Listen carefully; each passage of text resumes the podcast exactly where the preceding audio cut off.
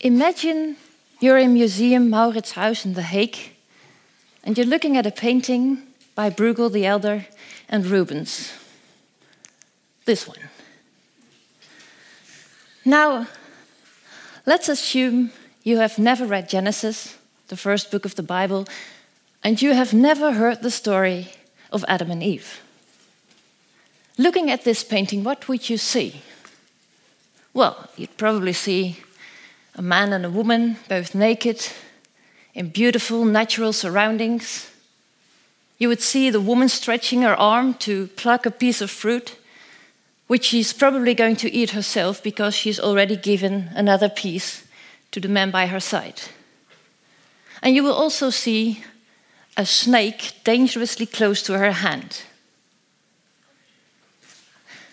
Now, let's still assume you don't know the Bible story about Adam and Eve. Looking at the painting, what would you not see?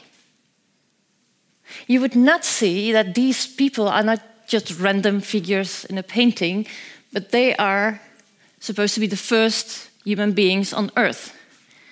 In a garden given to them by God, with a promise, but also with a warning, namely that they can eat any fruit, any food they find from any tree, but not this one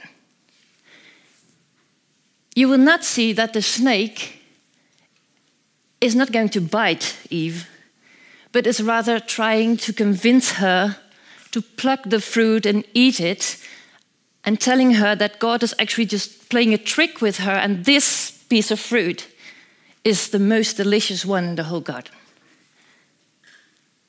And you will not know that this tree is called the tree of wisdom, and that Adam and Eve are bound to be kicked out of Eden. Now, this is just an example of what Maggie Dawn is trying to tell us um, in this lecture tonight, but also in her books and in our classes, namely the importance of knowing Bible stories, even if you're not religious, because it will provide you with a more rich, more abundant knowledge of art, of literature, of music, um, and, even of, if, uh, and even of our language system and justice system. In fact, she says our whole Western culture is based on stories and ideas from the Bible. Maggie Dawn, and we are very happy to have her here tonight, uh, is uh, Dean at Marquand Chapel and Associate Professor at Yale Divinity School. She started her career as a singer, writer, and musician, got ordained into the Anglican Church, uh, became a fellow at Cambridge University, and she has written several popular books, including The Accidental Pilgrim, um, Beginnings and Endings, and The Writing on the Wall, which is the book on which her lecture tonight is largely based. Um, she will give a lecture, next slide, which will last about 45 minutes, after which she will talk to Matthijs den Dulk, theologian at Radboud University, specialized in early Christian Jewish writings. I will moderate this conversation and will try to explore the matter at hand some more. My name is Lisbeth Jansen. I am a program manager at Radboud Reflects. I'm very happy that you are here, and I wish you all a very inspiring evening. Maggie, the floor is yours.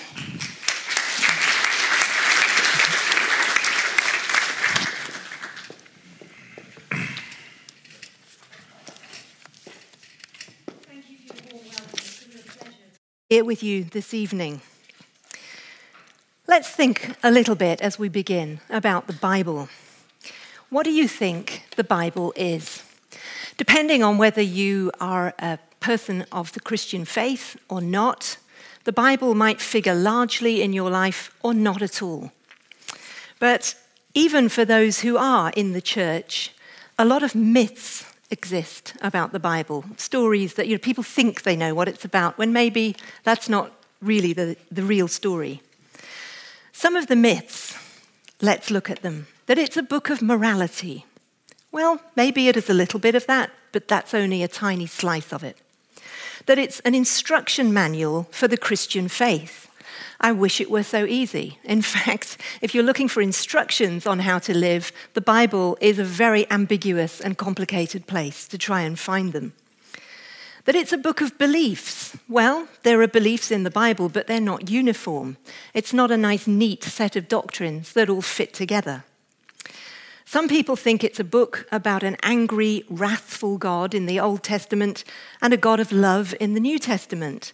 And again, that's a kind of reduction that doesn't tell the true story. The reality about the Bible is that it's 66 books of ancient Hebrew and first and second century Christian writings. The oldest part of it, we're not exactly sure how old it is, but we do know that a lot of it was compiled in Babylon by exiles from Jerusalem about two and a half thousand years ago. And we know that a lot of the material that was compiled is a lot older than that. And it's written in a wide range of literary forms, from history to propaganda, from law to song lyrics, uh, to personal letters. It doesn't have one uniform set of beliefs. In fact, it disagrees with itself all over the place. But a range of ideas appear that need and invite a lot of thought and a great deal of discussion. And like the very best of literature, it is not confined to one set of meanings. It offers up many layers of meaning, which is why some people find themselves reading it over and over again for a whole lifetime. So it's a pretty big deal as a book. Why is the Bible read less now than it used to be? It's quite an interesting question. I guess the top reason is, of course, that it's a religious text, and we, as uh, the Western world, are a lot less religious than we used to be. We're also now a multicultural and dramatically less uniformly Christian than we used to be some centuries ago. But interestingly, even Christians, if a recent Gallup poll is to be believed, are more likely to know the Bible from hearing it read out loud and preached in church than from reading it themselves. And that's not surprising in a way because it is not an easy read. If you just start at the beginning uh, without any knowledge at all about what you're reading, it, it's really quite hard work to get through the text. And it's very possible, I think, that it was always the case that people's biblical knowledge was from public reading and preaching rather than from personal, private reading. But I think there are other reasons why in our generation we read the Bible less. There's one, uh, one is that there's an awareness we could be seeing as privileging one religion over another, and that's something that we're much more anxious not to do in our generation.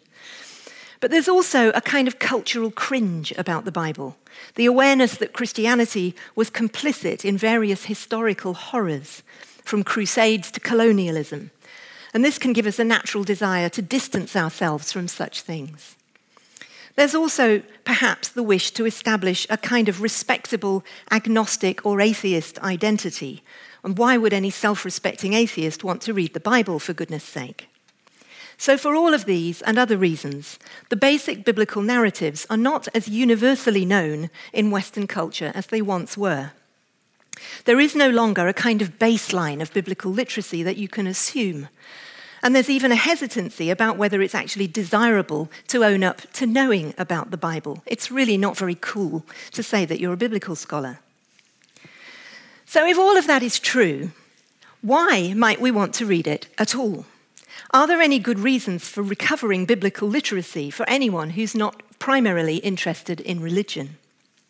I want to put it to you tonight that teaching biblical literacy has enormous cultural value because the biblical stories and themes are some of the foundational reference points for so much of our culture. They're not the only ones, but they are quite a lot of them. And this may, of course, be set to change over time. 500 years from now, this might not be the same situation, but it is the situation for the time being. And so much of our literature, art, and music of the last thousand years or more in, West, in the Western world is based around ideas that are interwoven in the Bible. Not to have any basic, basic biblical literacy could be seen as something of a cultural handicap. If I were to ask you, do you know what the story of Cain and Abel is about? How many of you would say, Yes, I do know? Just tell me. It's about, about half the audience. Yeah, good. You are very lucky people. And how many would say, I really don't know at all? There's no shame in this. Yet quite a few. This is good because you're confirming my presumptions here. Um, what about Adam and Eve? Do you know who Adam and Eve are? Anybody? More know about Adam and Eve than know about Cain and Abel. I'm, I'm not surprised by that. But not all of you really have a clear idea who Adam and Eve are, or maybe a little bit more now that you've had the introduction. I thought when I started teaching at the University of Cambridge that surely everybody must know who Adam and Eve are. I guess, you know, if you know something and you've known it since you were a small child, you kind of assume that everybody knows it too. At Cambridge, as well as teaching, I took care of the college chapel. And every now and then, students would bang on my door to ask me a series of questions. Sometimes it would be, we want to get married, can we get married in the college chapel? And so we would take care of that. And sometimes they would come to me to sort out some kind of personal problem that they were trying to figure out. And they would sit and chat with me for a while, and, you know, talking helps, so that was a good thing. But another reason that they came often was this they would say, Look, I'm studying, fill in the gap here, English literature, music, history, art history. And we've been told that we have to read the Bible for our course. Do you know anything about the Bible? The fact that biblical illiteracy is rife was clear to me that they would come to a college chaplain in the theology department and not be quite sure whether I would know about the Bible.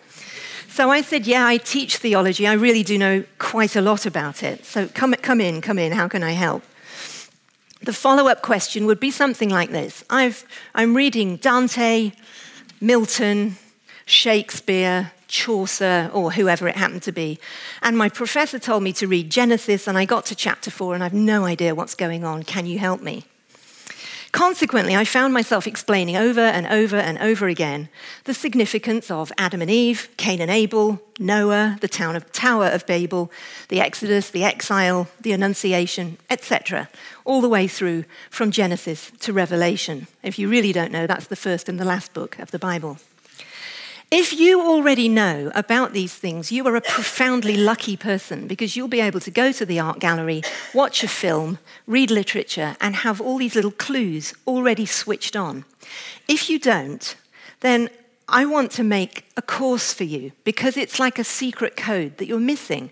It's like, you know, trying to read without any knowledge of the classics. It's one of those things that you just kind of need in your armor. What is the story of Adam and Eve about, actually? Most people, I have discovered, if they have a very thin knowledge of the Bible, but they have heard of Adam and Eve, believe that it's a story about sex. But in fact, it isn't that at all. It's about quite a lot of other things, but it's not about that. The most important thread in the story is about having a direct and unmediated access to God in relationship and then losing that access. God, at the beginning of the ancient myth, is completely approachable, completely understandable. Imagine that, having a conversation with God where God talks back and you know what is being said to you. It would be an extraordinary thing. Great myth. And God, we are told, walks in the garden with Adam and Eve in the cool of the evening. And then there's the snake, as you've just seen, and the tree of fruits and a temptation, and it all goes horribly wrong. And they stop listening to God, and suddenly they don't have this direct access anymore. They can't hear what God's saying. And in fact, when God comes around, they don't find that they want to see him anymore. Something has come between them, and they can only communicate across a kind of dim barrier.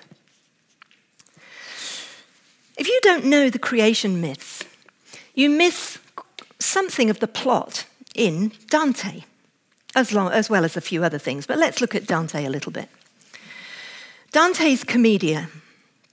Living in medieval Italy, Dante had a particular loathing for bankers. Does anybody love bankers here? Maybe there is a banker. I have nothing against you. But Dante did not like bankers and the whole system of usury, which he considered supremely unjust.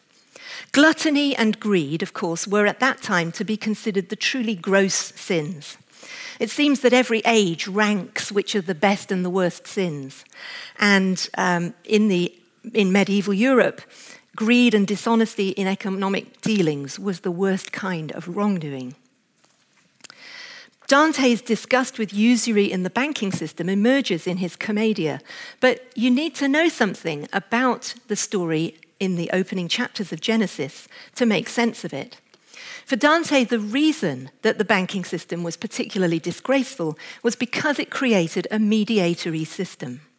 And anything that makes you experience life or reality at one remove from yourself is for Dante uh, the, um, the supreme original sin because it mirrors what happened in Genesis.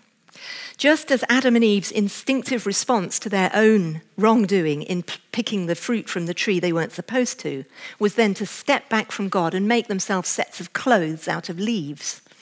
So Dante perceived that the ultimate sin in anything is that it makes you unable to approach God or other people directly without protection or separation. If you have to have a, a, layer of protection between you and other people, you and God, you and reality, you and the rest of your life, then this shouldn't be that way. You should be able to just deal with your life um, head on. And what bankers did, in Dante's view, was to act on behalf of their clients, separating people from rather than reconciling them to their own reality. And it was this way that the banking system removed a person's direct contact with their own world that led Dante to believe it was a primary and gross sin. People often say that Dante depended heavily on the classics as his sources.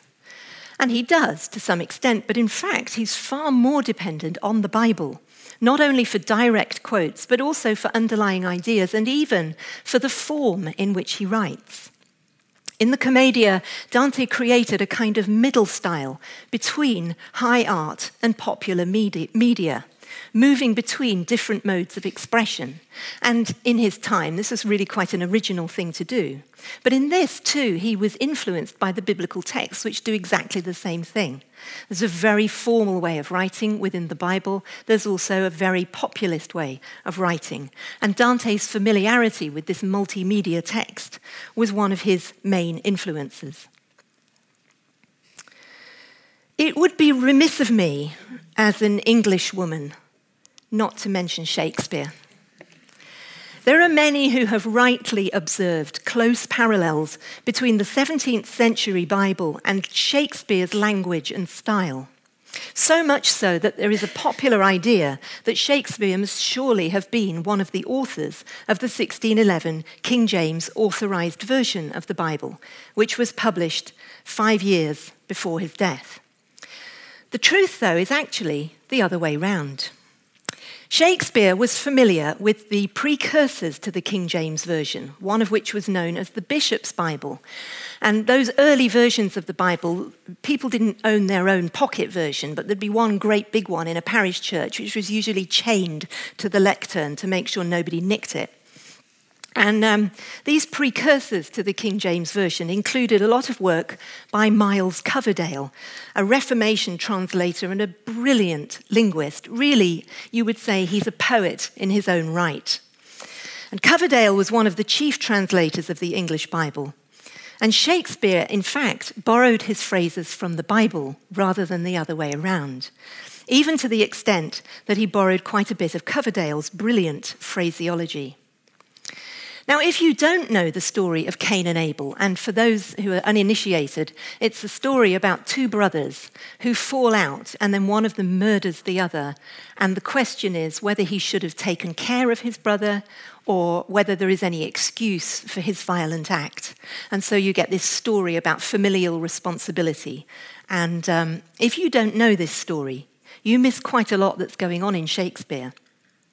In The Merry Wives of Windsor, for instance, Shakespeare refers to a Cain coloured beard, which means a man with red hair. And in Hamlet, there's a reference to the primal eldest curse upon it, a brother's murder, which instantly, that's Cain and Abel.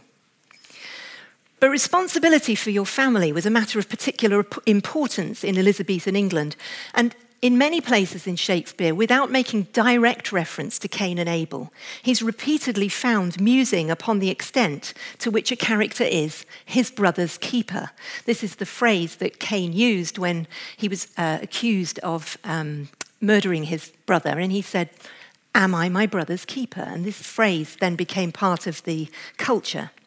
And the moral questions of jealousy and filial responsibility are the underlying ideas in so many of Shakespeare's play, plays, such as King Lear, Hamlet, Othello, The Merchant of Venice, and so on.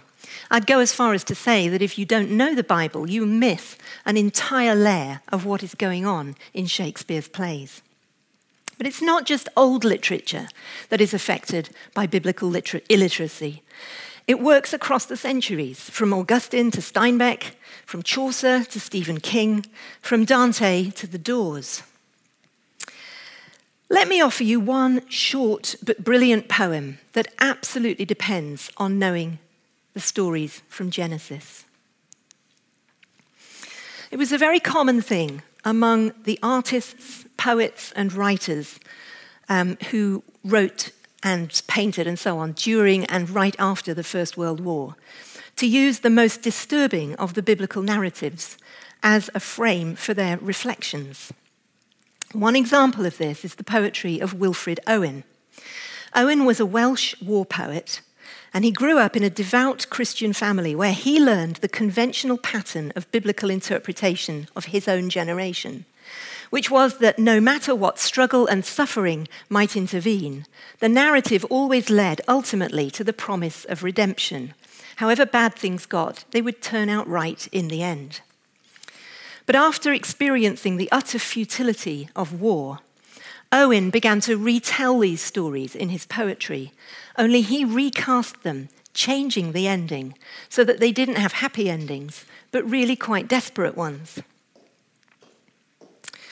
The poem I want to read with you is The Parable of the Old Man and the Young, in which Owen turned the biblical sacrifice of Isaac from a story of salvation into one of willful destruction. Thank you.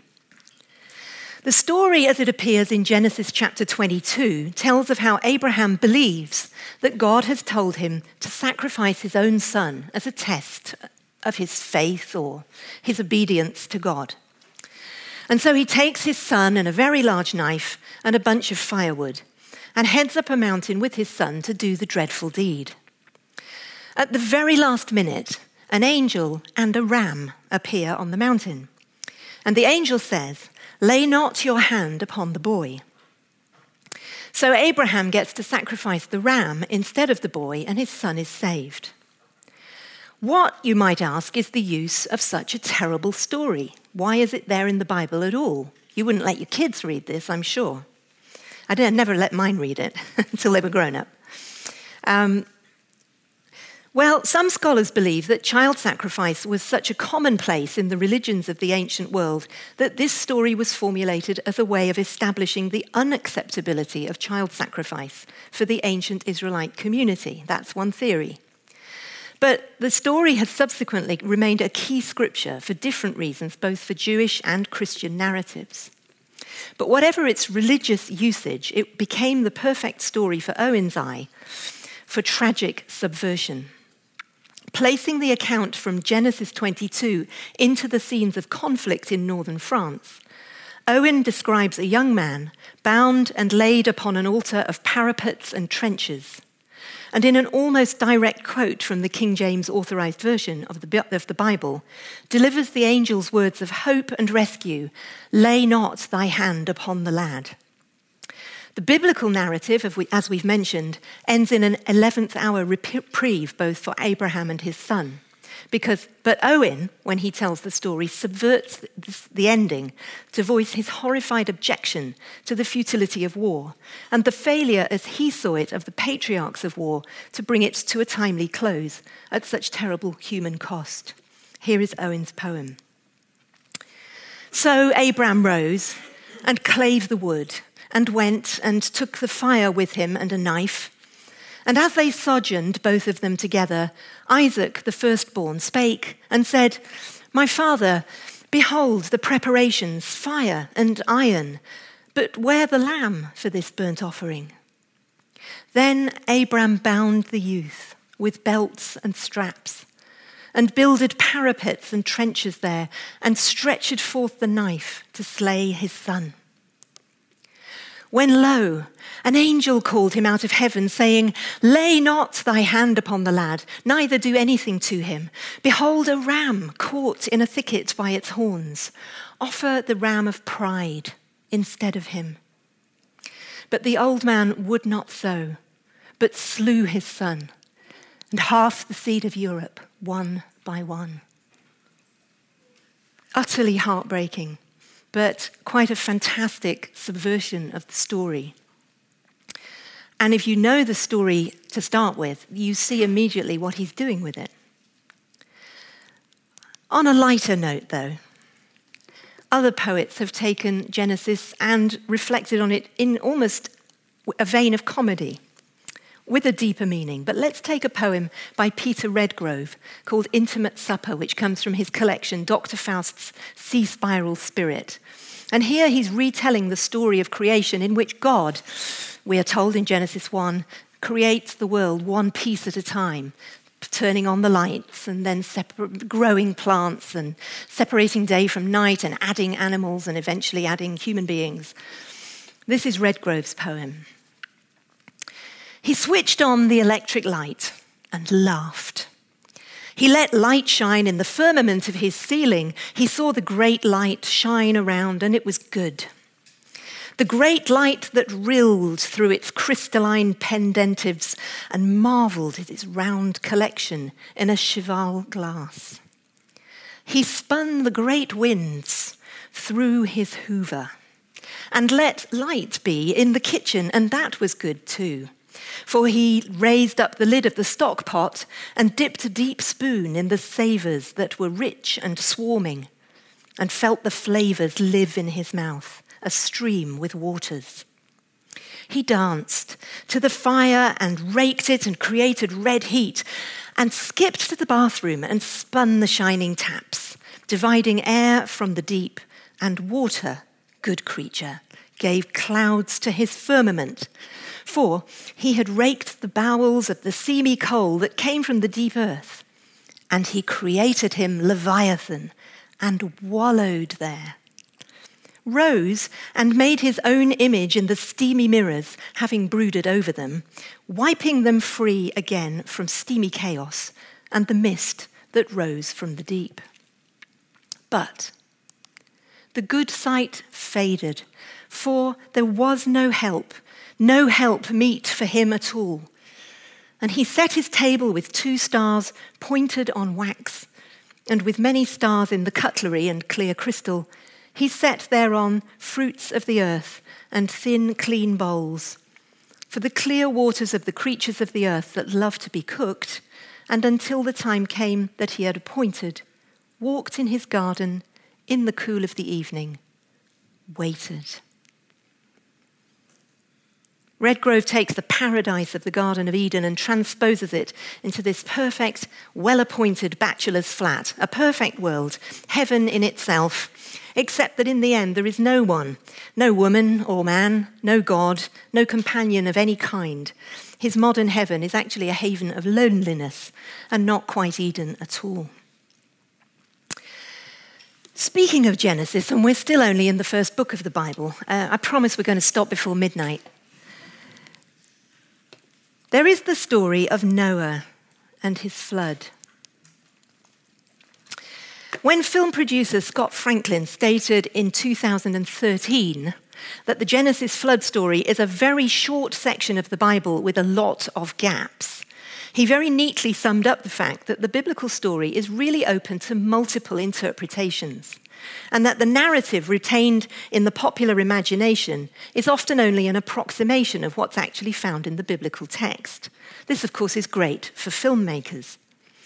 Not only are there gaps in the story, but there are also points where the narrative of the flood story seems to double back on, on itself and then repeat with fresh information. So it's quite film like in the sense that it does a little flashback and then repeat the story, filling in the gaps as it goes. Generations of scholars from many disciplines have puzzled over the origin and veracity of the ancient text. It's generally agreed that there was more than one version of the story in ancient Israel, and that the biblical account and the fact that it has this flashback feature is because it's a composite text extracted from earlier and ancient versions. And in addition, the Genesis account, we now know, is only one of several flood narratives from the ancient Near East, and it's quite likely that it copied some of its story from them. There are still, I think, toys and images for children and pictures that turn the story purely into a sea bound menagerie, all blue skies and clean, friendly animals that just get along. You never see them eating each other, for instance. This is, of course, a far cry from the biblical narrative that has the majority of the earth, its animals, and the population wiped out in a matter of days. So, by turns, it can be read as a story of glorious salvation or horrifying destruction. In visual art, the depiction of the story has been given multiple different interpretations depending on which part of, sorry, which part of the story is emphasized and which century you're looking at. This is, uh,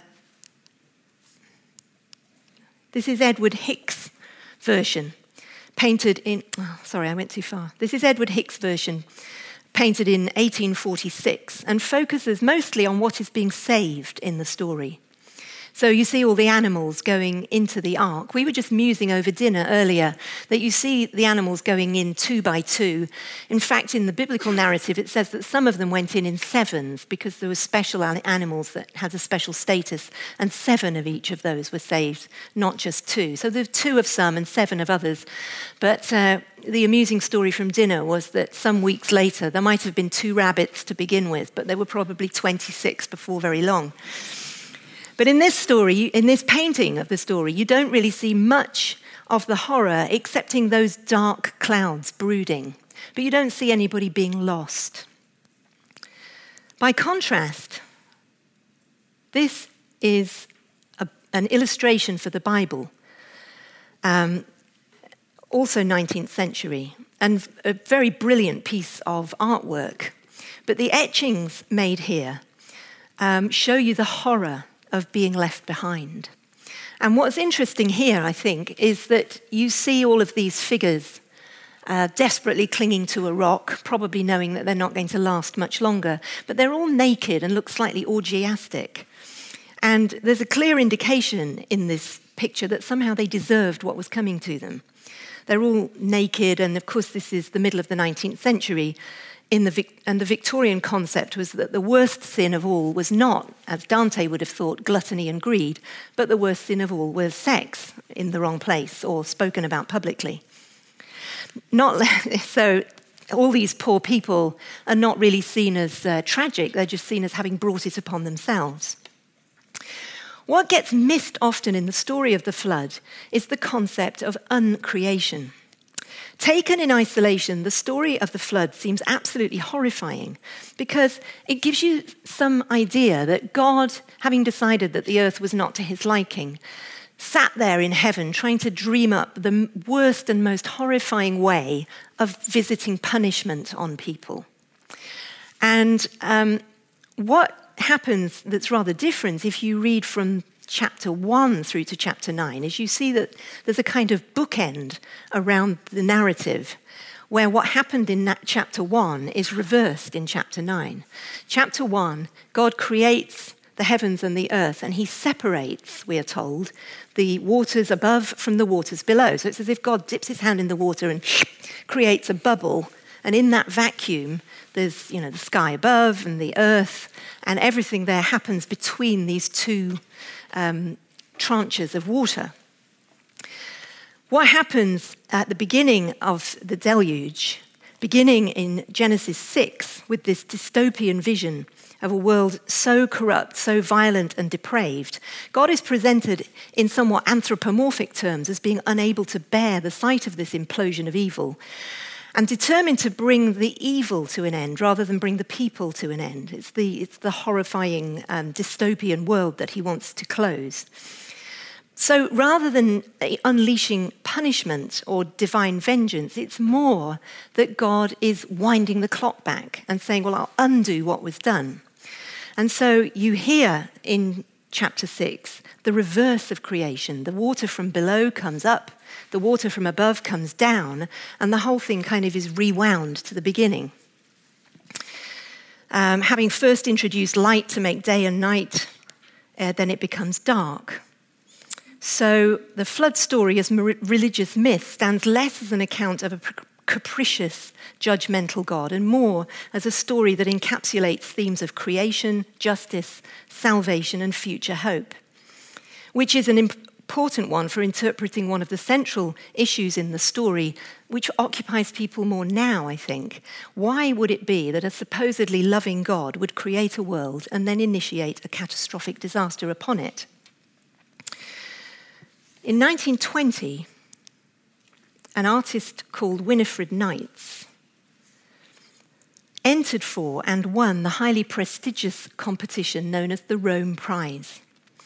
The title was set for the competition. It was a bit like a sort of final paper where you'd arrive at the studio and then you'd be told this is the title and then given a series of days. I think it was six weeks to complete the painting. And um, the title set for this particular competition was The Deluge. And again, this is not a surprise because just as we saw with Wilfred Owen, poets and artists during and immediately after the First World War did often take stories of biblical apocalyptic to interpret those events. What's interesting about Knights' interpretation? A number of things. I've just written about this recently for the Tate Gallery in London. One thing is that she paints this scene with colours and textures that are very reminiscent of the trenches of Northern Europe. This is not a brightly coloured scene, this is all grey and brown and mud coloured. Secondly, she puts the ark, you might not even notice it immediately, but it's right up there in the top right hand corner. And the ark is already in the background sailing away. So there are no animals being loaded on here. She did it originally in her plan for the painting, have a whole scene of animals being loaded, and then she cut that out. And her interest actually remained in the people who were scrabbling up the side of this slope, trying to avoid the water that was coming for them. So the ark's at the back of the painting and already sailing away. This is not a story of hope, this is a story of despair. Knights uses, her, uses as her models both her own self portrait, uh, which appears twice, and that of her mother, meaning that this picture is infused with personal reference. She's in this painting, she's not just observing it. And she paints the ones who are left behind, unlike the etching of, of Doré. Um, she paints this viewing the ones who are left behind as tragic figures who are undergoing a terrible misfortune that is not of their own making. There is no responsibility carried in this painting by the people who are trying to find their way out. Nevertheless, they've been left stranded. This is a very different rendition, then, from either the cheerful pictures for children or the judgmental tone of the 19th century Bible illustrations. And what Knights' painting points to is a hinge point in the interpretation of the biblical narrative, a moment in history at the beginning of the 20th century, in the midst of suffering on such an unimagined scale, when people were asking, surely it cannot be true that suffering like this is a judgment from God. Where is God in this appalling mess? Where is God indeed? Why is the ark sailing away and leaving these poor people stranded? Well, this question that Knights uh, was depicting in 1920 unfolded a whole new thread in Christian theology that began to address this precise question. By the 1960s and onwards, theologians such as Jürgen Moltmann and others were speaking not of God looking on from on high and viewing people in their suffering, but of God being present in suffering. And interestingly, this also begins to appear in works of art. This is Marc Chagall's L'Arche de Noé. In his series of biblical paintings of the 1960s, he delivers this same scene. And here, the blue of serenity that Chagall used over and over again is at the center. Love, peace, serenity is right there at the center in the picture of the ark. So the ark is the symbol of salvation. Um, but all around, you can see these green waves of the sea, but they're actually made up of people. Um, where then is God in this painting? Is God in the blue serenity of the ark and the salvation? And what's happening to the green um, surrounding waves full of people? If you look carefully, in the top right hand corner, you see one small figure with his arms outstretched like this. And he's sitting in the lap of his mother. This is the Madonna and child. And where is Jesus in this painting? He's not in the ark, he's in the waves with the people who are in the midst of disaster. So theological interpretation completely came around to seeing God not as being above everything, looking down, but as God being in the middle of suffering. Chagall has gone with the theological mood of the time. Some are saved and some suffer. This is how life is. But where is Christ in the midst of it? Not with the lucky ones, but in the waves with the drowning ones. We mentioned the film of Noah, which is an interesting watch, I think. Um, and visual and literary arts come together in theatre and film. And there's one story that strikingly makes perfect sense even if you know nothing about the Bible, but you do miss some delicious details if you don't know anything about it. And the film is The Shawshank Redemption, based on a short story by Stephen King, which in turn was based on another story by Tolstoy. And it tells the story of Andy Dufresne. You've seen The Shawshank Redemption, I'm sure, yeah? So you remember Andy Dufresne was wrongly imprisoned for a crime he didn't commit. And the essence of the story is you may have to wait a very long time indeed for justice, but there's a very sweet thing when it does eventually come. And key to the story of his escape is the procurement of an archaeological hammer with which he begins his escape plan. He receives the hammer in the pages of a book, and you may have noticed it is in fact a Bible. But if you look closely, you'll see that it's opened at the pages of Exodus. Now, Exodus is a story of escape from unjust imprisonment. And so, if you know what's happening in Exodus, as soon as that Bible is opened, you see Exodus and you go, wow, escape story coming right up. So, that's a fun thing. But later on, when he does finally escape, of course, years and years elapse before it happens, but he crawls, if you remember in the movie, for a long time, first through his tunnel and then through a really disgusting sewerage channel. So he's filthy and you can practically smell it as you watch the film. Eventually, he crawls out of there and dives down into clean water. And he emerges in this pose, which is the Christian ritual of baptism. He's, and that means I'm going from an old life of darkness to a new life full of light. And so you see Christian ritual emerging in this film. If you don't know that, you would love the film anyway because it's a great story and it works without it. But, you know, it's like a secret code. You've got added details if you know all of the sources that are going on. Well, we've observed a little about literature and film. Um, what about visual art? I, I, almost hesitate to raise Van Gogh in the Netherlands because I feel sure that you must know more about him than I do. But in my days when I was studying art history, my favourite moments ever were studying first the Dutch masters and then Van Gogh later on. And on previous visits to the Netherlands, it's been a great joy to visit the Rijksmuseum and the Van Gogh Museum and so on. But I've been amazed to see, um, not so much here actually, but in London and Paris, when his paintings are displayed that you will often walk around an entire exhibition of his paintings, and all of the curational notes on the wall will talk about his love of rural figures and uh, rural life and people who work the land and so on, and great insights about his use of colour and biographical details and so on. But no mention at all of the Bible or the fact that he himself had started life wanting desperately to be a preacher and evangelist. It seems amazing to me that something that was so significant to him would be missed out in commentary on his paintings. The Christian faith was a very complicated thread for Van Gogh, as you may know, and the tension between him wanting desperately to be a preacher and evangelist, then his bitter disappointment when he wasn't accepted into that, and subsequently his wish to leave it all behind and just, you know, abandon it, and then his toing and froing between those um, those ideas was a tension that he lived with for a long time. And this complicated mix of faith and rejecting faith was very deeply woven into his psyche. One of the biblical stories that he painted, not just once, but multiple times, was um, the sower, this rural figure who, you know, like other figures he painted, um, first copying Millet and then uh, developing further his interpretation over and over again. There's another one. This time, the later you get, the more you get this yellow sun introduced into the picture. And then this is probably the most famous one of the lot. Mm, there you go. You must know this picture very well, I'm sure.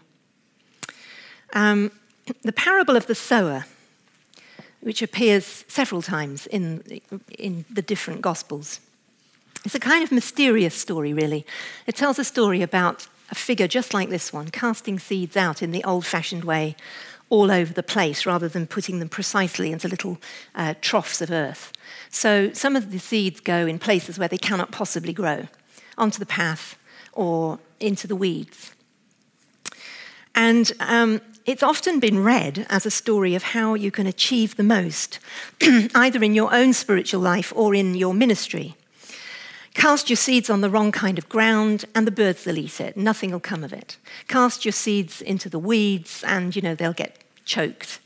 But if you put your seeds into the right place, something good's going to happen, except that the tail end of the story, it says, some of you will get 30, some will get 60, and some will get 100 fold.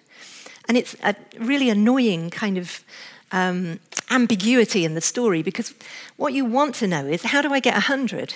But it doesn't say that. It doesn't say if you do the right thing, you'll get 100. It's not like being in an exam. It's just like if you put your seeds in the right place, well, you know, you'll get a result, and who knows what it's going to be. So it's often taught as a parable that, you know, you must do the right thing and be a good moral person and fulfill your ministry in the right way. And only if you do that will the right thing happen to your potential. In my view, it's really rather different from that, and it ultimately speaks about how only God can bring to fruition the potential in people's lives. You can struggle all you like to be someone else than the person you are, but some things like the weather and you know conditions of life are just beyond your own control. You don't even need God in the picture to read it that way. So you can read this story in a very liberating way to say, look, relax. You can't grow an inch taller by really working at it. This is just who you are, and this is how life is. Um, I've in my life been around quite a few people who have what they see as failed vocations. They've gone up for maybe a ministry board selection or something like that, and then been told, No, I'm sorry, we don't want you to be ordained, or we don't think you'd make a very good monk or nun or whatever, and then live with this disappointment afterwards. Um, and I think this particular sense of vocation which is frustrated, frustrated um, cuts people very deeply because they have a sense somehow that the calling has come from beyond their own wishes, it's beyond themselves. And then they feel very devastated when it doesn't come to reality. So I've seen people have to work through a real dejection when this happens to them. And so I think I maybe understand a little of why Van Gogh seemed to go through this particular kind of hell over his own failed vocation, even though he does say later that he was quite glad he walked away from it. And I'm glad he did too, because look at all those paintings. The parable of the sower was by no means his only religious painting. He did a serious loss, as you may know, but he did paint, he didn't paint many of them over and over and over again, but this one he did, ever so many times. And he writes to his brother Theo on the, 18th, on the 8th of February, 1883 One does not expect to get from life what one has already learned it cannot give. Rather, one begins to see more clearly that life is a kind of sowing time, and the harvest is not yet here. And five years later, he paints this late representation of the sower with the low hanging sun. It was actually at the Van Gogh Museum that I learned that this is often interpreted as a sunset, but in terms of rural practice, it must surely be a sunrise because you wouldn't sow seeds at the end of the day because you know the ground is cold. So why would you do that? Um, And in this later version of the sower, you see the sun hanging directly over the figure of the sower. And I have to wonder because the sun is always for Van Gogh a symbol of God's presence. And I have to wonder whether Van Gogh was in a way reconciling himself to his found vocation as a painter and finally letting himself off the hook about the lost vocation of his early years. Well, the days are largely gone when people are required to study religion, and in many ways that's a good thing for our culture, and it's certainly a good thing for religion, I think, because forcing people to do it usually has pretty bad effect. Nevertheless, a loss of biblical literacy means that our reading of many other literary, musical, visual, and dramatic works could become quite hollow, losing the ability to read the full range of what a text has to offer. And we stand, I think, at a point in history where we could lose this altogether if we don't do something about it. It's very ineffective, I have found, uh, as my students demonstrated to me at Cambridge, that simply to tell students, well, you should just read Genesis before you read Milton, doesn't help them very much because it's such a strange and ancient book. You need a bit of help. And putting it on the summer reading list and hoping they'll figure it out is not going to make much difference. The Bible is not easy to read and it's not obvious what's going on. It gets into strange territory, and you find yourself reading ancient rules and regulations and lists of family trees and kings and priests and weird stuff before you get to the good stories. The best place to start is actually not at the beginning. Halfway through is a better place to begin. And reading it without some kind of guide is a very confusing endeavor. I would suggest then that every humanities department might want to consider introducing a biblical literacy 101. Everything you need to know about the Bible to understand Shakespeare, Milton, Dante, Handel, Bach, Mozart, any metropolitan art gallery that you care to walk into, and not just the old stuff, even the majority of the poetry and literature of the 20th century that casually uses biblical literacy as a foundation stone. The Bible, then, not just for religious people. What do you think?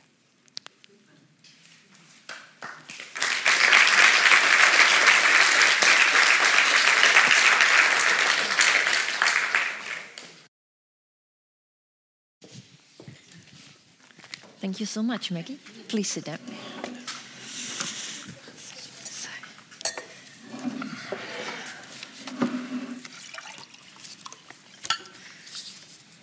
We've heard a lot.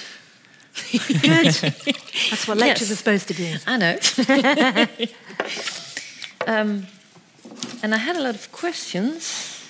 I still do, but I didn't have time to read them during the lecture because I was writing a report so that you can also reread what okay. Maggie said. Uh, of course, I might not know the answer. yeah. okay, let's welcome Matthijs. Sorry, thank you, thank you. mention yeah. you. Yeah. Um, well, let's start with this. Yesterday, I was having coffee with a friend, and I was telling her about your lecture and the, the topic of it. And she basically said something like, "Well, you know, I'm only interested in interested in really modern art, and mm -hmm. those right. artists they don't deal with biblical stories anyway. So um, I don't think this is very interesting for mm -hmm. me. Maybe if you're interested in Van Gogh and other, you know, old paintings and old literature, then that is probably helpful and, and wonderful. But I mm -hmm. think mm-hmm. if you're interested in modern art, really modern art, then um, you don't need the Bible anymore. What would you say?" Well, you know, that's anybody's option. You don't have to read anything at all. But um, do you think she has a point? Well, I think maybe in her particular specialism, she may find that it isn't of any relevance. But I don't think it's true to say that modern stuff doesn't refer to the Bible. I mean, we've just been talking about fairly recent films, for instance, that have come out that are actually even about the Bible. You know, there's plenty of films that are trawling the Bible for material in, and making interesting reinterpretations of the story. Um, so, do they do so consciously? Well, I think Noah was yeah, pretty Noah, conscious. okay, but that's a very particular example, of course. yes. Um, but yes, uh, well, take Stephen King, for instance. You mm-hmm. know, lots of um, reference there. And, and even somebody like uh, Ian McEwan, you know, who's a uh, self confessed atheist, but he has no compunction about drawing on anything that happens to be in his panoply to create literature. And I just, I'm inclined to think the more you know about anything, the more fun you're going to have, really. Um, read the Greek myths, why not? Read the Norse myths, read them all. But don't treat, it's, I think it's just this thing about cultural cringe that the Greek myths and the Norse myths are cool, right? And the Bible is not cool. And I would hate for us to lose the Bible because we think it's not cool, when actually you get just as much fun and delicious stuff out of those myths as you do from any of the others. And I am religious, and so I enjoy it as a devotional text too. But even if you're not religious at all, I think there's plenty in there that you just would find joyful and fascinating. Would you agree, though, with the general assessment that um, more recent forms of art mm-hmm. uh, draw on the Bible less than before? I mean, is art in that way representative of this more broader shift that you see of a loss of biblical literacy? Well, it seems to be at the moment, and as I said at the beginning, you know, 500 years from now, it might look really different. We might have, you know, um, centuries worth where the Bible begins to recede. Mm-hmm. We don't really know that. Or it might suddenly come into huge fashion again. We don't know that either. Um, I mean, other ancient myths have you know, had their rise and fall when they've not been read much at all, and then they've been recovered again. So, and you know, I also wonder know. if that's just specific to more Western forms of art. Uh, you know, I mean, you know, if you look at the, the broader, the global perspective, there's yeah. still like, what is it now, 2.2 billion Christians in the world, right? So all of the art and literature that they produce, I think, uh, and you know, we don't have to restrict this to art. I mean, also in terms of just more general uh, cultural production, uh, politics, you know, the Bible is still I think, deeply relevant. Yeah. Yeah, I think so. Where do you see that? Oh, well, you know, lots of different places. I think, you know, religion generally is just extraordinarily important these days, uh, you know, related to just about any major uh, issue uh, mm-hmm. that our society is currently facing. Um, but, you know, when it comes to, for instance, uh, the Bible, I mean, you teach in the United States, you know, um, so I think that's one of the places where you see a pretty clear influence of the Bible uh, in present day, uh, you know, politics, in, in, literature and art, still in very many different ways. Um, and, and, I'm curious, do you see uh, in, in, in, the United States this same uh, decline in biblical literacy, or is that just a Europe thing, in your view? Um, a decline, yes, but um, but I think uh, about 40 years further back. You know, so okay. the Bible is more read there now than, than it is here.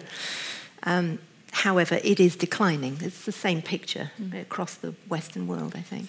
I think you also touched upon a very interesting point just now by saying um, that reading the Bible might also help us um, in discussing things that are maybe not about art or literature, but are about um, societal conflicts, which also have very often a base in religious misunderstandings.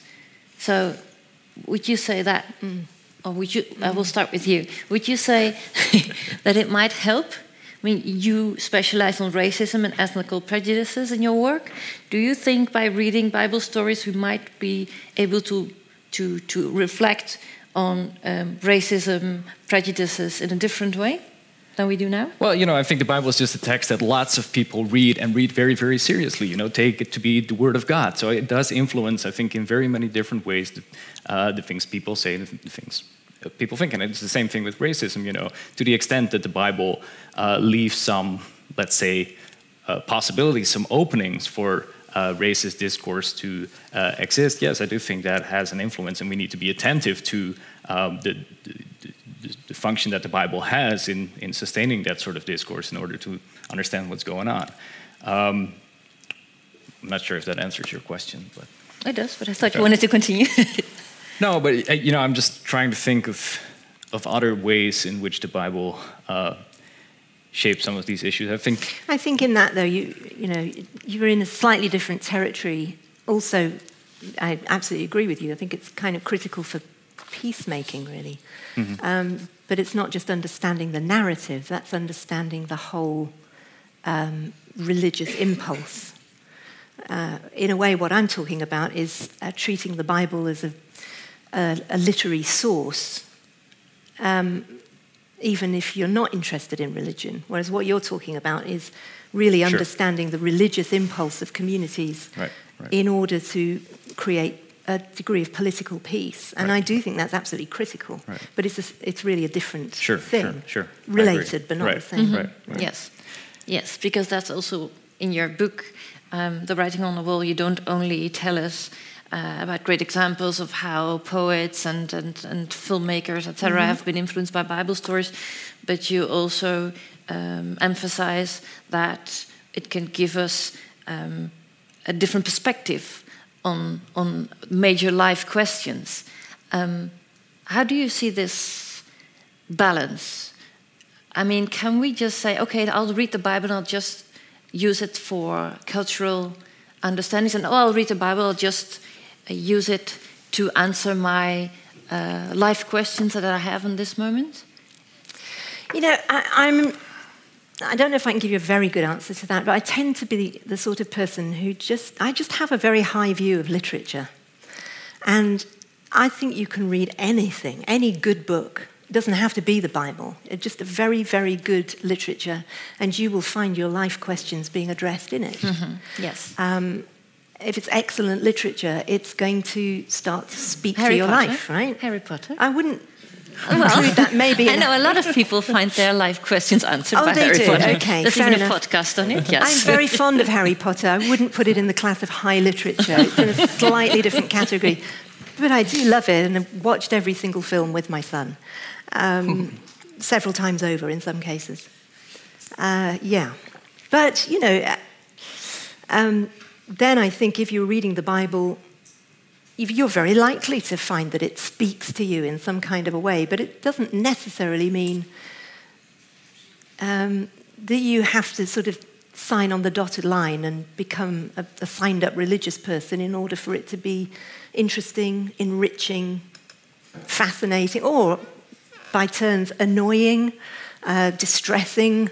You know, it can do a lot of different things. I mean, the Bible's not pretty. There are some places where it's quite disgraceful and shocking in the stories it tells, and equally raises life issues, but not, you know, not in a kind of um, self-help, let's all feel happy kind of way. It, more in a, these are the terrible things that happen in the world. What do we do about them? How do we face them and survive them and deal with them? So yeah, it's. Uh, Would you agree on this? Oh yeah, absolutely. Yeah, and uh, you know, it was actually interesting when you started out describing how the Bible has been read, you know, been misunderstood as this book of doctrines or this uh, text full of uh, you know slices of morality. And I was wondering, to what extent would you say that uh, the church has then misunderstood the Bible or misrepresented the Bible? oh, often I think yes, and I think in some ways the church has been its own worst enemy in. Um, in narrowing the focus of the Bible, you know, insisting that it has one message, for instance. Not every church, but there are places you can go where you will hear a kind of preaching that suggests that, the Bible says. Well, the Bible says a whole lot of things, actually, and it's not ultimately clear that the Bible has one message on uh, quite a lot of things. And actually, that to me is why it's so interesting, because like the best of literature, it doesn't just give you a flat, uh, single message that, like a textbook where you read it, you learn it, and then you move on and you never read it again. It's like that great kind of stuff that you read and, and you think, you know, a year or two later, what was that thing I read that was so, you know, sparked some interesting thought, Right. and then you go back and read it again. And when you read it again, you see something you didn't see the time before. And But then the idea that the Bible has many layers and can be interp- interpreted in many different ways, is that not also just a different, maybe cultural or temporal um, way of looking at it? I mean, is it not? I mean, are you not in your own way saying this way of looking at the Bible is the right way? Um, I'm not sure if I quite understand what you're asking. I, I do believe, I, I know for sure that the Bible has been interpreted really differently at different points in history. And it is now, this week, interpreted really differently in different places, um, different churches. Um, so its interpretation is highly flexible. And the, the old adage is true you can make the Bible mean anything you want it to because it's got that degree of flexibility. I think striving to, for a faithful interpretation is the thing that is of interest to me. uh, and, and I think you do best in reading these complex texts if you start aware that you can make it mean anything you want it to. And so you then take a step back and you say, well, what is my agenda? And am I reading my own agenda into this book and then using it to reinforce my point of view? Well, uh, people do that all the time with all sorts of stuff. But if I really want to read the Bible, and th- there's almost a sense, I think, when you're reading, really reading, not just the Bible, but any fine work, that you, you want to get to the point where it reads you rather than you read it. You know what I mean by that? So rather than you, you read the text, you decide what it means, you've done with that, and you move on. But you're really taking a very surface trip through this text. If you read a text at depth and you go back to it and you churn over and over, you do a whole course in it maybe, and you write an essay about it, you're trying to get more to a point where you are identifying your own um, presuppositions and allowing them to be challenged. Uh, and, and coming to a text and saying, you know what, I might need to change my mind about this. I might be wrong. I might, or I might just only know half the story. I might be right, but there's more I didn't know before. So I think letting the t- getting the text to read you, that's how I mm-hmm. describe it, is for me the scholarly endeavor, really, that you sit with the text and and let it be your interlocutor. Right. I think you wanted to. Well, no, I was just going to like, shift the conversation slightly and uh, ask you. I mean, you've shown so beautifully how important the Bible is to understanding art and um, how it is such an interesting piece of literature. Um, so what do we do now, right? How do we remedy the situation? And so you called for this uh, humanities course 101, mm-hmm. right, uh, on biblical literacy, which I think is a great idea. Actually, yeah. you know, if you look at the situation in the Netherlands. Um, we used to have a lot of theology departments in the Netherlands. Not so much anymore, mm-hmm. um, right? So, and I understand that you know, various places, you know, departments have closed down simply because it doesn't make any um, business sense, yeah, right? Sure. I mean, yeah. there are very few students, uh, faculty is expensive, so.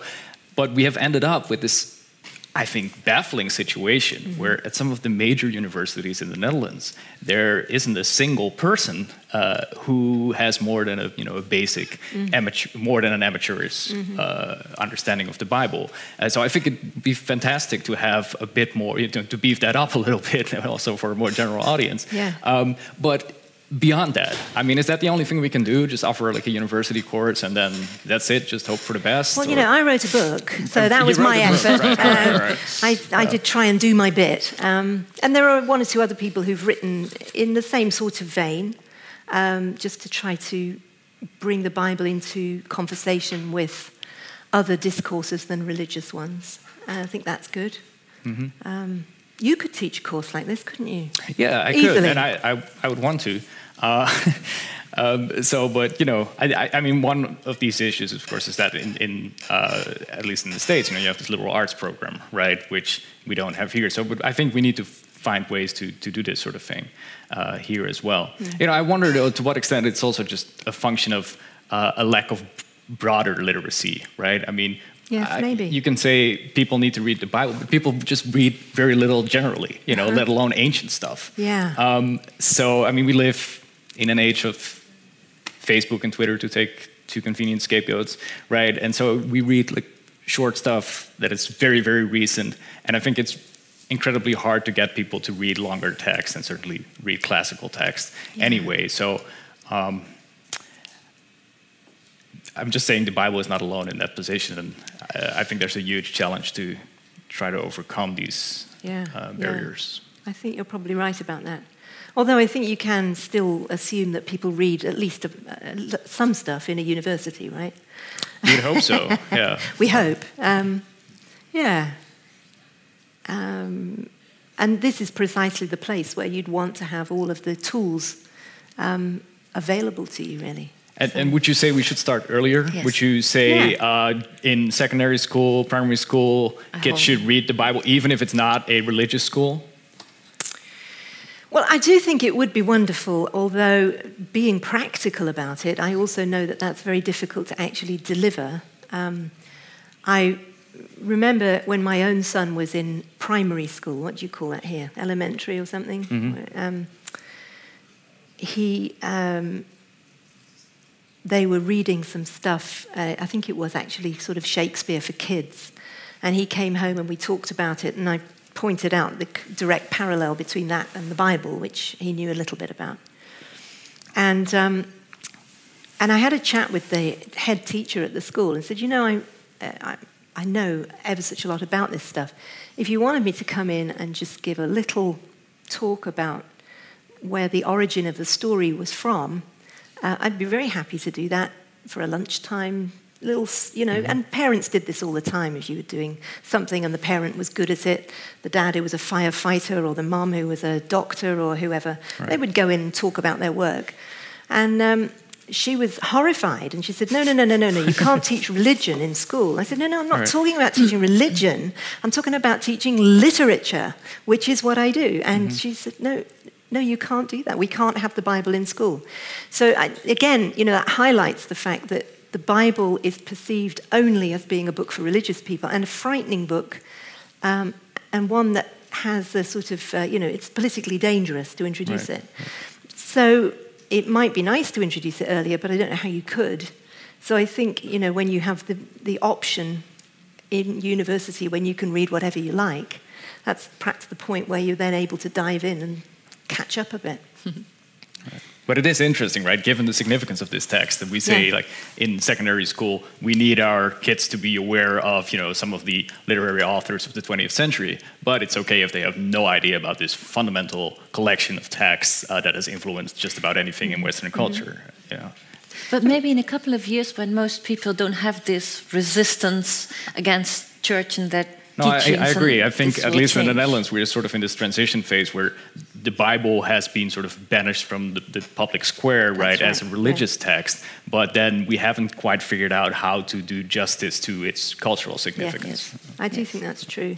And I don't know necessarily that you can do much about that, excepting talk like this and just, you know, flag it up and, and give people the option. Because um, the important thing is that people don't lose the option to educate themselves in whatever way they want to, really. Yeah. Right. So let's, let's do that and see if there are any questions from the audience. If you have a question, please raise your hand and my colleague will come with a microphone. Yes, the gentleman in front. Right now, you're very much talking about what the Bible means to people like right now and have meant in the past. But do you also, in your studies, uh, care about what it meant to like the original audience? Sure. Yeah. Because but you know, I only had forty minutes. One example, maybe. Uh, well, you know, original, that's his job. He, he does, you know. Well, yeah, that's, that's, all I do. So I'm not an art historian by any means. So I learned a ton today. But so my basic job is to figure out, yes, what, this, what did these texts mean to uh, the original hearers and readers? Um, and so, yeah, I mean, that's that's what we think about quite a bit. I think actually we should be doing more of what you're doing. you know, we've been focused so much uh, to a fault, probably, uh, on uh, on what these texts may have meant to some mm. original audience. So then, can you um, give an example of what, for example, the story of Noah or one of the other stories you mentioned meant to the original audience? Well, I mean, I've well. Maybe we've talked a lot about Genesis. Maybe an interesting example is to think about how, how um, the meaning of a story can go through a complete change in just a few years. Um, is the shift through the 19th century of perception of the origins of the earth. Um, prior right. to that, people were very happy just to live with the idea that, that Genesis gave you the story of what happened and how it all started. And then um, the geological sciences and uh, paleontology and so forth, as that developed, uh, well before Darwin, you know, people like Charles Lyell and, and uh, his uh, crew um, started to challenge, first of all, that the Earth couldn't possibly be only 4,000 or 6,000 years old. It must be much older than that. And uh, so the whole story of 19th century theology is um, a reconsideration of how you read the story, what it means to us, and in what way it has any significance for religious thought. Um, and you have two options then. You can either say, well, you know, I'm sorry, but I, know what says in the Bible and I'm not going to listen to any of the other stuff. Or you can say, wow, we have new knowledge that has now opened up the way we think about everything. I now need to reconsider whether this is just for the bin or whether it might have some new significance or whether there's a new way to read it. And so, um, the, and I speak of the 19th century because that's one of the centuries I do know a lot about. I don't know much mm-hmm. about the second, that's his job. mm-hmm. um, but in the 19th century, that particular story and how it was interpreted went through multiple changes and huge debates and you know, fierce debates um, as people toughed out whether it was a challenge to the idea that God could speak through the Bible at all. Because if we threw out this idea that the Bible was inspired, then, oh no, you know, the Bible is no use to us. And one of the people I've studied is Samuel Taylor Coleridge, best known as a poet, but who also wrote a lot of philosophy and theology. And he spent a good bit of time arguing for the idea that if the Bible is to, is to be a means through which God can speak, then you don't need to insist that the Bible is inspired in the sense of every word in it is true, historically. What you need is a better theory of inspiration. What does it mean to say it's inspired? How does God speak through anything? And so he came up with a new philosophy of interpretation, of uh, inspiration, excuse me, um, which uh, you know, I spent four years of my life doing a PhD about, so that was good fun. But that, you know, from 1910, uh, 1810-ish uh, through to um, the end of the 19th century, a huge change in the story's interpretation, but it has remained of fundamental importance as a, and this is why I refer to the stories as myths. To say it's a myth doesn't mean it's not true. It means that it is a story that will tell you the truth, but it might not be full of facts, right? So there's a kind of difference there. And you're not looking for something that says, you, know, if you examine Genesis and try to um, analyze it according to its scientific facts, there's really, you've not got much to go on. That's pretty clear. But if you treat it as a story that tells you the truth about what it means to be human, well, you could spend your whole life reading it because it's just layer upon layer upon layer of that kind of literary truth. So that's and if I could just very Go briefly to add to that, um, you know, in the early church, it seems that these creation stories were rarely taken literally. Yeah. Uh, you know, they, uh, the, someone like Augustine explicitly right. rejects that sort of literal take on the on the he text. He says it's really and, irresponsible. right, he? exactly. To, and it's going to lead to all sorts of crazy ideas. That you know. um, so, and when it comes to the original question, you know, you the question of the original intent. Um, you also get to a very different reading because then, uh, you know, one thing that many scholars will point to is the fact that there are very similar stories in other cultures, uh, Babylonian culture uh, mm-hmm. especially.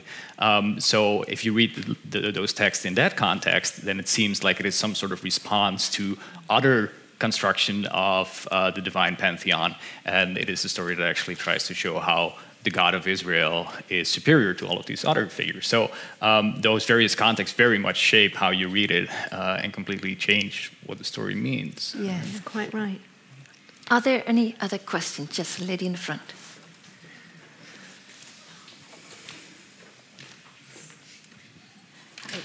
Um, so I was Uh, well, we're talking about uh, literacy, biblical literacy, and I was thinking of Dan Brown's The Da Vinci Code. Isn't that very problematic? Um, that some people get really weird ideas about Jesus and Mary of Magdalene and yeah, all that do. kind of things. um, yes, in a way. Um, I, I think you're exactly right that that it does generate ideas that they are weird and they are very much their own thing, but you know, it's a free world, and I don't want to stop people writing whatever they want to write and reading whatever they want to read. I just feel that my job in my university is to try to teach people to read carefully, and I can't, and I don't want to lay down rules about what people are allowed to say. That's the worst kind of religious action, I think, you know. Um, We don't want heresy hunters, do we? it usually doesn't. it usually doesn't come out well when people go hunting for heresies. Uh, it's very clear to me that yes, it's a popular book. It's full of weird ideas, and nothing, none of it cashes out if you start to look at it um, in terms of theology or the history of the church. Or it's just fiction. So there it is. And God bless him, you know. I bet he's enjoying the royalties. More questions? Do you think it's a problem? Oh, sorry. Do you think it should be counteracted or spoken about or? Well, I, I find people who have read it, and I'm kind of, well, I'm, I can't understand how that works. That they can read something like Dan Brown and um, take that for the truth.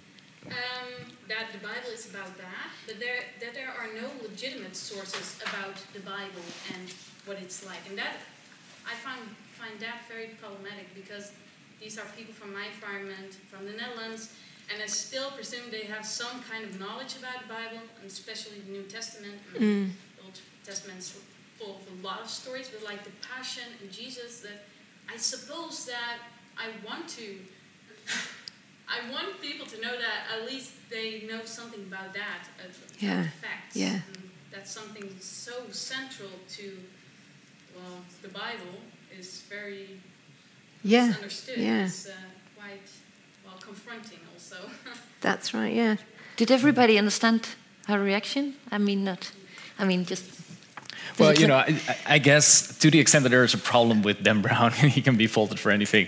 Uh, it's it's uh, the impression that he creates of this being like actual historical facts, right? And of course, that's part of the literary, Yeah. uh, you know, setup that he chooses. So it's probably more a matter of people just learning, uh, needing to l- better learn to read a, a literary yes, text. that's really true. Um, uh, but yeah, I mean, I, I do share, you know, on some level, your uh, the, the fact that it's a little disconcerting that people pick up all these crazy ideas, uh, and uh, you know, in a, a previous generation, probably people would have had the biblical literacy to sort of counteract it and also re- recognize it as sort of a, a literary flourish, whereas today, you just take it as whatever. Yes, that's true. Although I think uh, you know we don't have the monopoly on crazy ideas in our century. I think that's always been a, a thing. Very true. Very true. and uh, the whole existence of debate and uh, discussion is surely to uh, to discuss. You know, well, is this idea a good one or not? And that's been going on for a very long time, since long before Jesus. I think we have room for one more question. Who? Yes, the gentleman in front. Hello, thanks for the lecture. Thank you. Um, you told or you, you uh, remembered uh, that there were multiple students coming to you uh, from different, uh, s- I don't know, arts or history classes. Uh, they wanted to more, know more about the Bible. Um, and I wanted to ask you if you have also experiences of um, students or, or people coming to you um, studying something like social sciences um, to and in that connection know more about Bible and its influence on its culture because um, I know for example uh, we learn for example that uh, there are differences in how people think uh, based on their culture. And because the Bible is such a big part of the Western culture it should also have influenced for example thinking or, or o- other co- constructs so I would be interested Um, I used to, in Cambridge, I used to hold a breakfast every Sunday morning and invite students to come and have breakfast with me. And uh, you know how it is in university, if there's free food, people usually show up. and, uh, so I, I used to have fantastic conversations with people from all disciplines about faith and the Bible and their studies and uh, and the morality and the ethics of what they were studying. Uh, so the range of what people want to talk about, I just find very exciting. You know, I think it's a wonderful um, testament to the fact that universities are alive and well. Um, and I think there is significance both in the narrative of the Bible and the broader picture of faith as a lived experience. uh, to any discipline you care to mention, whether it's you know, biology or social sciences or anything. The people who knocked on my door and said, Please, can you help me? were always from the humanities because those were the subjects where they were told, when you read, you know, next week, you're reading such and such, you should read Genesis or Exodus or the Gospel of Matthew or something. And so the people who specifically were told to read the Bible and had no guide, they were the ones who came to find me to ask specifically about the Bible. Um, but the wider ranging conversation, um, actually, I think, yeah, it's alive and well. And even among pl- plenty of people who, um, well, let me put it this way. As a college chaplain, I experienced walking side by side with people who had faith and were undoing it and losing their faith, and people who had no faith and were finding it, and people who had faith and found that it was sort of changing into a quite different sort of faith. Because uh, you know, when you're 18, you think you know everything, and then you go to university, and the world opens up in a brand new way. And if you have faith and then you see a new world, your faith has to change along with the rest of you. And so you either lose your faith or you keep it, but it changes. And so I've walked side by side with countless people whose faith position has changed. And one of the touching things I found was that people trusted me to help them undo their faith. And I found that for them to come to a religious person and say, you know, I'm losing my faith, I'm not trying to rediscover it, but I just want to talk to somebody while I do. Uh, I found it very touching that they would trust me with that kind of um, vulnerability, really. And um, I'm not of the point of view, I'm a terrible evangelist, I'm afraid. I'm really not of the point of view that you force anybody. I just like to put the options out there and say, look, I think this is great. My experience of it is good. But, you know, if you want to ha- give this a try, then great. But um, I'm more interested in helping people to find their path at the pace that they need to take it. Um, so I would never push people towards faith or away from it. I just say, you know, this is what I know. If I can help, I'm glad to help. And um, what's happening to you? Um, so, good chaplain, bad evangelist. but yeah, every, every discipline. It's interesting to every discipline, I think. Thank you. Yeah. Well, maybe to end this evening with a short question to the both of you. Mm. What is your personal favorite Bible story and why? In about, you know, two sentences. And that's like an impossible question.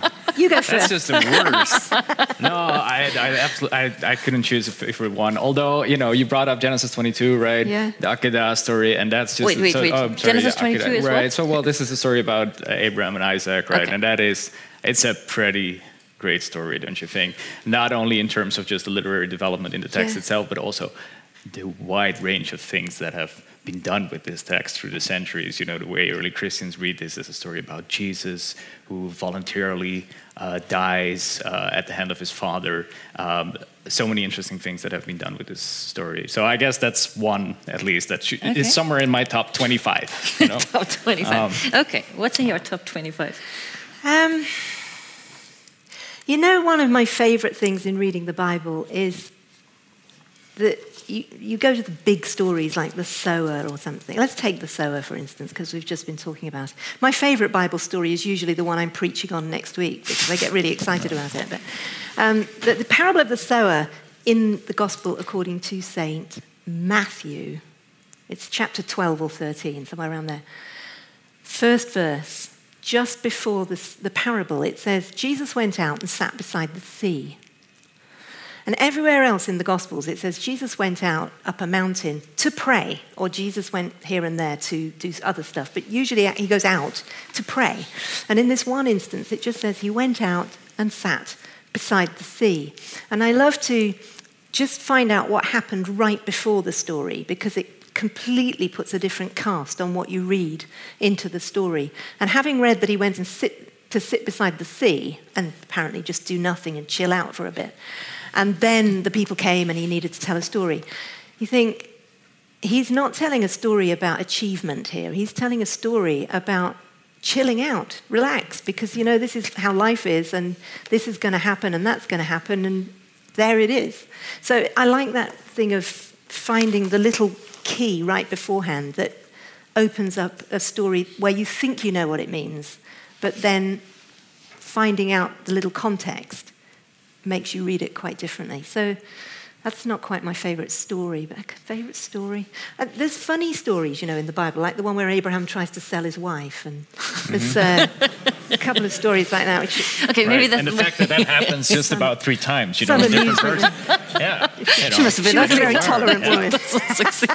And, uh, well, his son does the same thing, right?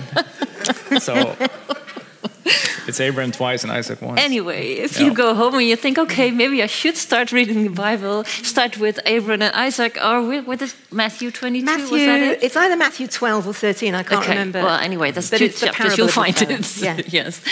Thank you so much, Jerry- Maggie Dawn, for being here with us for your lecture and sharing your ideas and knowledge. Thank you. Thank you to Matthijs for participating in the discussion. And the audience, thank you too for being here and asking questions and being attentive. Um, if you go home thinking, what exactly did she say in minute 20 something about Shakespeare? That must have been earlier. Um, the lecture has been uh, taped on video, so it will appear on our website soon, and you can just re. Uh, re what? Rewatch it. Well, Rewatch? and watch it again. Yes, um, but it's better not to go home at all and join us. Well, at least not yet. But join us to the culture culture cafe for a drink. Um, and if this was an interesting evening for you, then maybe you're also interested in our other programs like the history of hate speech and the lecture on the role of religion in the Syrian conflict coming up this month. More information also on our website. That's it for now. Have a safe journey home and hope to see you soon at Radboud Reflects. Thank you.